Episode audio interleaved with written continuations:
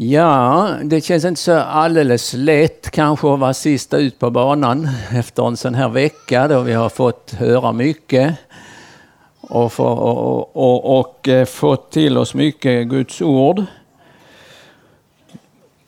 Men eh, det är en text som jag eh, kan säga att jag fick nog ganska direkt när jag lovade det här. Och den har fått bli kvar. Så att jag tänker läsa den. Jag ska, eh, vi ska först bli stilla. Gud kom till min räddning, Herre skynda till min frälsning. Gud är för oss en Gud som frälsar och hos Herren, Herren finns räddning från döden. Vi tackar dig vår käre Far i himmelen för eh, denna vecka som vi har fått ha här omkring ditt ord och för denna stund som är nu. Och vi ber att du ska vara hos oss också nu eh, med din ande. Kom till oss och eh, låt åtminstone ordet från dig får komma till oss och till våra hjärtan. Vi ber dig helige Ande, kom med din kraft och med din välsignelse. Så att evangeliets kraft får eh, liksom uppenbara sig och visa sig på oss till liv och frälsning. Till liv också på det sättet ett, till ett liv i gemenskap med dig och både här och för evigheten. Vi lämnar oss också nu i dina händer och ber om din välsignelse i Jesu namn. Amen.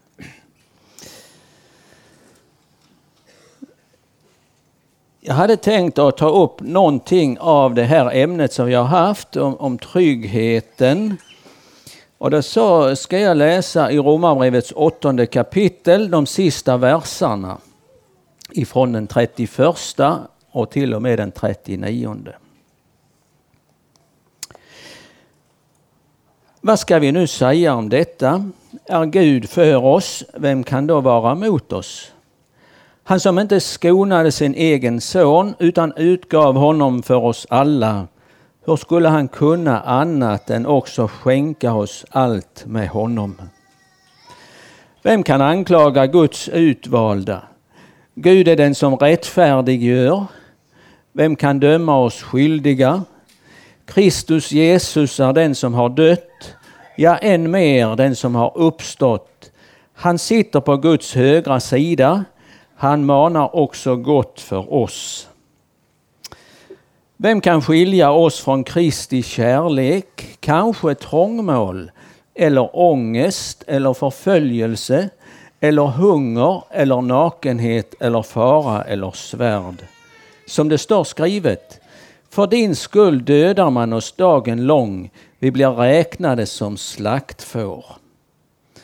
Nej, i allt detta vinner vi en härlig seger genom honom som har älskat oss. Ty jag är viss om att varken död eller liv, varken änglar eller väldigheter, varken det som nu är eller det som komma skall, varken någon makt i höjden eller djupet eller något annat skapat ska kunna skilja oss från Guds kärlek i Kristus Jesus, vår Herre. Amen.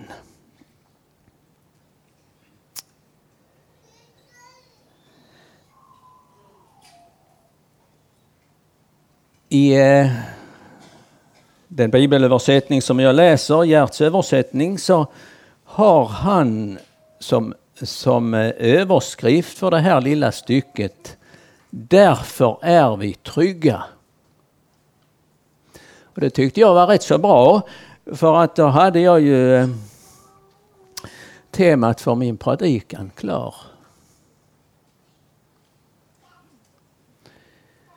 Därför är vi trygga. Och då vill jag eh, för det första eh, peka på detta som eh, Paulus tar fram i, det här, i, i detta sista verserna av Romarbrevets åttonde kapitel.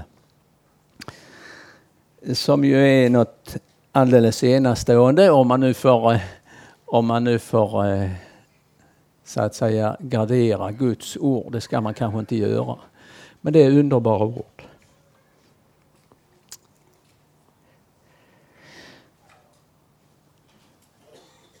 Därför är vi trygga. För det första därför att Gud är för oss. Tänk om det hade stått att Gud är emot oss. Ja, då hade det ju eh, faktiskt inte hjälpt om så alla andra hade varit för oss.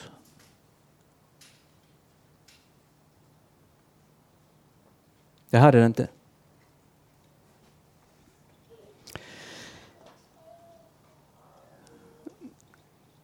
Man kan säga, eller kanske skulle sagt det redan från början, att de här orden står ju i ett sammanhang där Paulus tidigare har talat om utkorelsen och jag har inte tänkt att gå in på det. Men att jag kan ju få nämna att, att Gud han har, vi kan se i vår bibel att han har handlat med människan redan ifrån evighet. Ja, med hela sin skapelse handlat med oss i Kristus Jesus. Därför att vi läser i Kolosserbrevet att han har skapat oss genom honom och till honom. Och vi läser i, i, i de första verserna i Johannesevangeliet i, i detta som vi kallar för Johannesprologen om ordet som var hos Gud och ordet som var Gud och han som var i begynnelsen hos Gud. Allt blev till genom honom och honom förutan blev ingenting till. Och, och, och sen, står det, sen läser vi vidare om ordet som blev människa och allt detta. Gud har handlat med människan i Kristus och det får vi på ett särskilt sätt se i dessa här verserna som vi har läst. Och varför Gud är för oss det, det har Paulus liksom lyft fram på det sättet att han, han har ju egentligen med sig här i Johannes 3 och 16. Han som inte skona sin egen son utan utgav honom för oss alla. Och så säger han, vem kan då vara emot oss?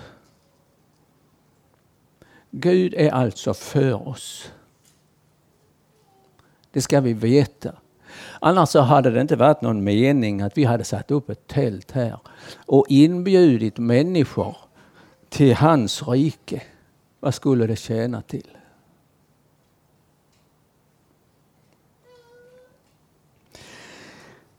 Så vi hamnar liksom här rakt in i Guds hjärta, i hans tanke han som inte skonar sin egen son utan utgav honom för oss alla.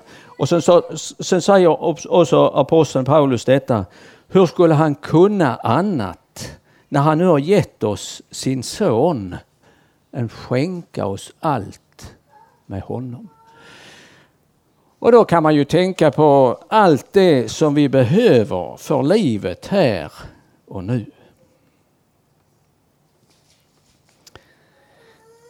Det var det, det var det första. Och så för det andra så ska vi säga därför är vi trygga. Därför att vi är friade i högsta instans. Ja, faktiskt.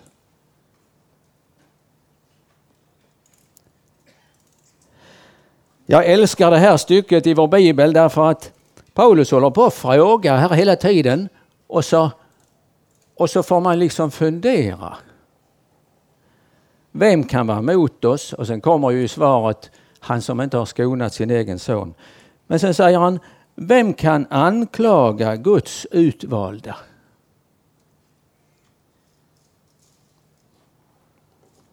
Nej, vem? Vi har hört det tidigare. Vem kan anklaga, vem kan döma oss skyldiga? Alltså i detta ligger ju en, en eh, otrygghet i att bli anklagad för något, i att bli dömd skyldig. Det gör det ju. Hur kan vi vara trygga i detta? Jo, säger aposteln, därför att han som vi faktiskt är skyldiga inför, vi har ju hört det med all tydlighet. Han är själv den som friar och som rättfärdigar.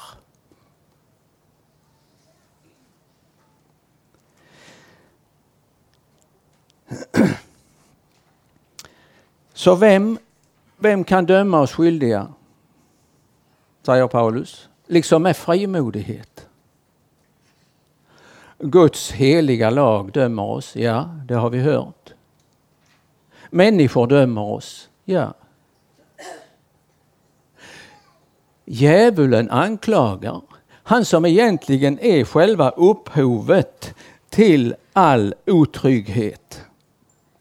Jag tror att det, det behöver också sägas därför att han behöver avslöjas.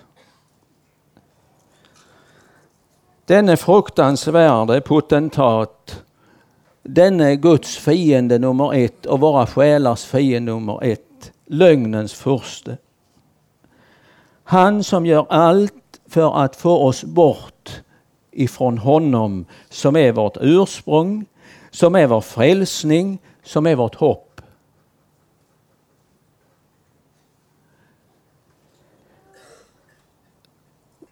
Men vad hjälper det om han anklagar? Ja, jag kanske till och med måste ge honom rätt.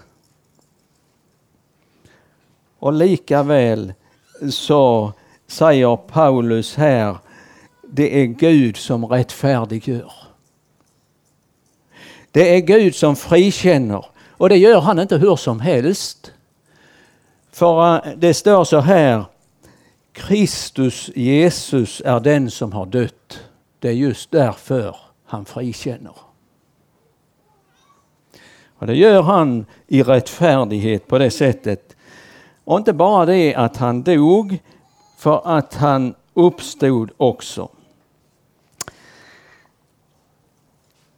Så därför kan vi säga friad i högsta instans. Vi har sjungit här tidigare om den högste. Tänk att få vara under den högstes beskydd. Och i Saltaren kan vi läsa om den högste. Så det är ingen som är över honom. Därför så, så behöver vi egentligen inte bry oss så mycket om människors dom, djävulens dom, utan Guds dom och fridom. Det är det som är det viktiga.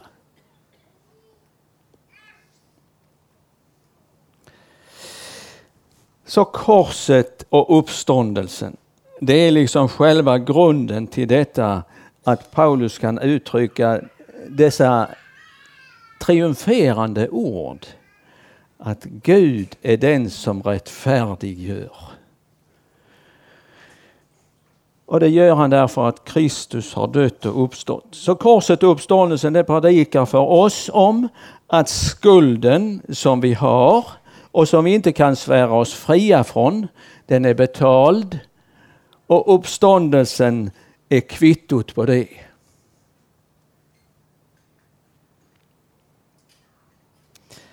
Men det är inte nog med detta, för han fortsätter och säger att han, alltså Kristus, sitter på Guds högra sida. Han manar också gott för oss. Eh, Eh, I Johannes första brev läser vi Mina barn, detta skriver jag till er för att ni inte ska synda. Men om någon syndar har vi en som för vår talan inför Fadern, Jesus Kristus som är rättfärdig. Han är försoningen för våra synder och inte bara för våra utan också för hela världens. Därför är vi trygga. Därför att vi är friade och frias i högsta instans. Och det tredje vi ska säga är det. Därför är vi trygga. Därför att jag vet att jag är älskad.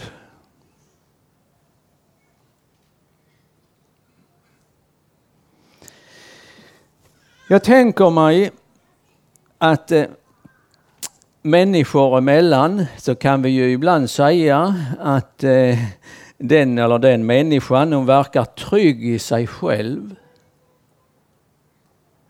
Och jag tror att det har eh, eh en, eh, att, att eh, det finns, ofta finns något bakom det, nämligen att den människan är älskad för den den är. Och det är egentligen precis detta som det handlar om här, det här eh, eh, sista stycket i den här texten. Att vara älskad, men det, är, det, det handlar om mitt, mitt förhållande till Gud. Mitt upphov, min skapare och min frälsare, min hjälpare, Fadern, Sonen och den helige Ande.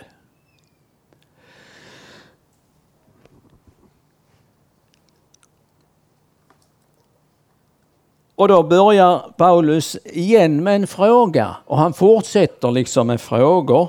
Vem kan skilja oss från Kristi kärlek? säger han.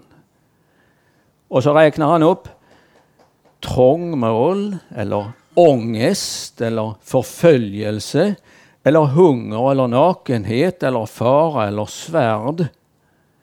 Alltså, och vi förstår att det är liksom ingen härlighetsteologi han för. Nej, han beskriver egentligen bara verkligheten. Den som vi får omge oss med här på jorden. Och särskilt Guds barn. Trångmål, jag vet inte, det är väl ett gammalt ord, men jag tänker mig att det är, någon som, det är när man blir trängd liksom in i ett hörn och inte kan och inte kan liksom ta sig och vet vad man ska bli av. Och så detta lilla ordet ångest. Tänk att det finns också med i Bibeln. Så många människor idag som lider av ångest. Och jag tror att, att eh, den som kanske inte har fått uppleva verklig ångest kan inte sätta sig in i vad det egentligen innebär. Att sitta fast, att inte komma vidare, att liksom överrumplas av någonting som man inte kan, kan värja sig mot.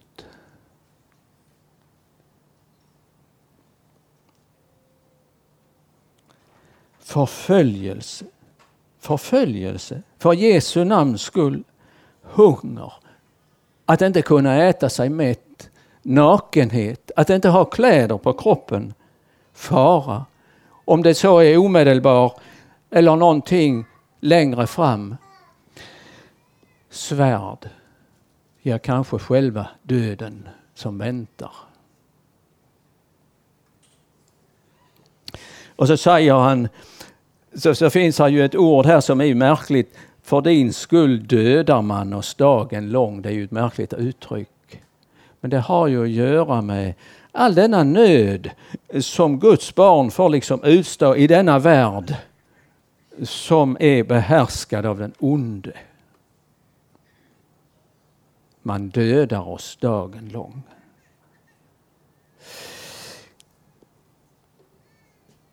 Och så har han räknat upp allt detta här. Och så, så var ju frågan, vem kan skilja oss från Kristi kärlek? Är det någonting av detta här? Nej, säger han. Nej, i allt detta vinner vi. Så märkliga ord. I allt detta vinner vi. Och inte så där nätt och jämnt som ni kanske sett någon som liksom Ja, han, han stupar nästan innan målsnöret och hasar sig fram och så, sen blir han liggande precis när han kommit över. Det beskrivs inte så. I allt detta vinner vi en härlig seger.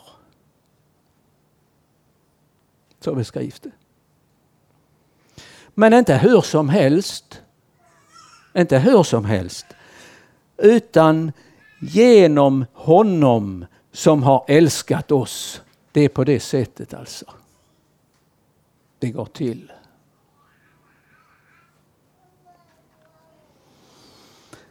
Genom Kristus eh, så vinner vi alltså en härlig seger därför att han har vunnit segern och hans seger är vår.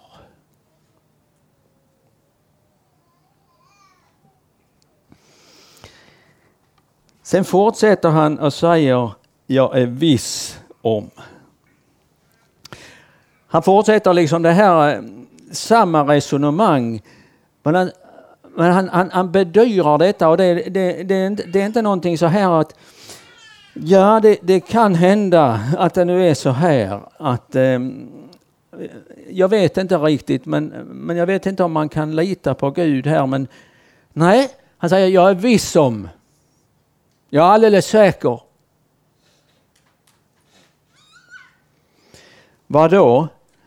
Att varken död eller liv, varken änglar eller väldigheter, varken det som nu är eller det som komma skall, varken någon makt i höjden eller djupet eller något annat skapat ska kunna skilja oss från Guds kärlek i Kristus Jesus vår Herre. Och tänk efter vad Paulus liksom har fått täcka upp allt det i våra liv som vi kan råka ut för och i, i alla situationer som vi kan vara.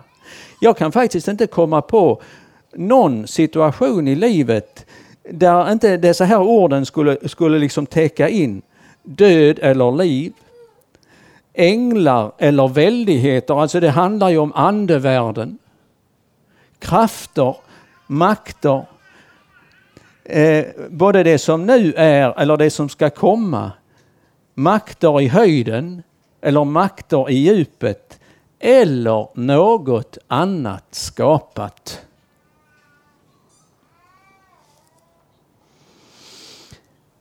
Så jag tänker så här att, eh, att det, det, kan, det kan inte komma en situation i ditt liv.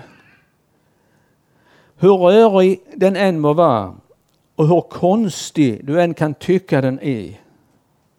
Då du inte kan reda ut ditt liv och din situation varken för dig själv eller för andra. Utan att du kan få säga till Gud Gode Gud, Fader, Son och helig Ande. Jag vet alldeles bestämt efter ditt ord att jag just nu är älskad av dig. Är det inte trygghet?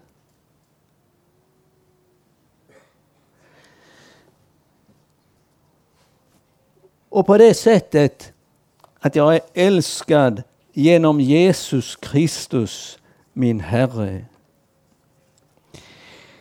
Till vilken jag är döpt och genom vilken du har kallat mig och genom vilken du har rättfärdiggjort mig.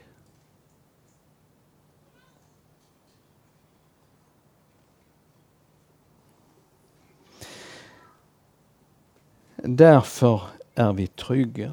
Jag vet inte vad du tänker, men för mig så är faktiskt detta trygghet på högsta nivå. Eller jag skulle kunna säga en trygghet i grunden. Denna plattform som aldrig kommer att ryckas undan.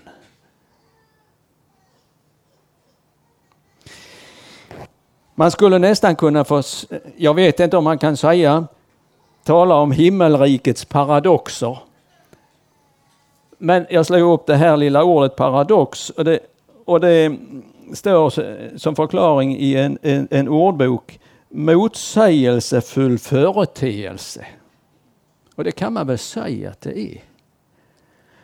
Gud är för oss trots allt yttre och inre motstånd.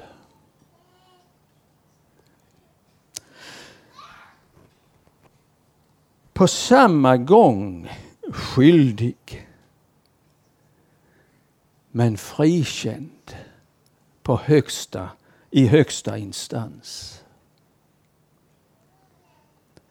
Eller som, eh, eller som eh, Carl Olof Rosenius ut, har uttryckt det om ett Guds barn på samma gång syndare och rättfärdig.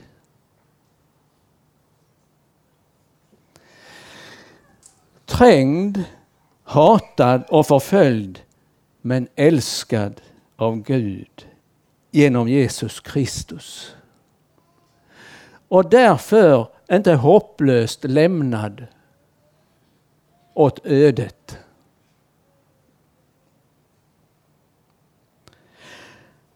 Ett hopp mitt i hopplösheten. Ja, liv mitt i döden. Eller trygghet mitt i otryggheten.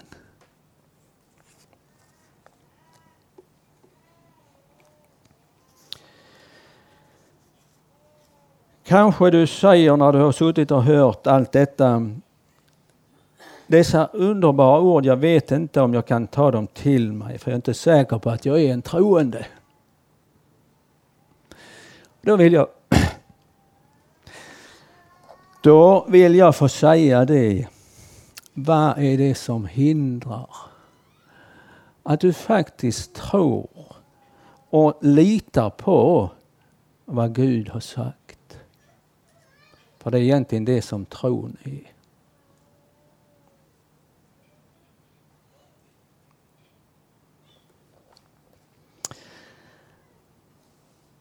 Amen.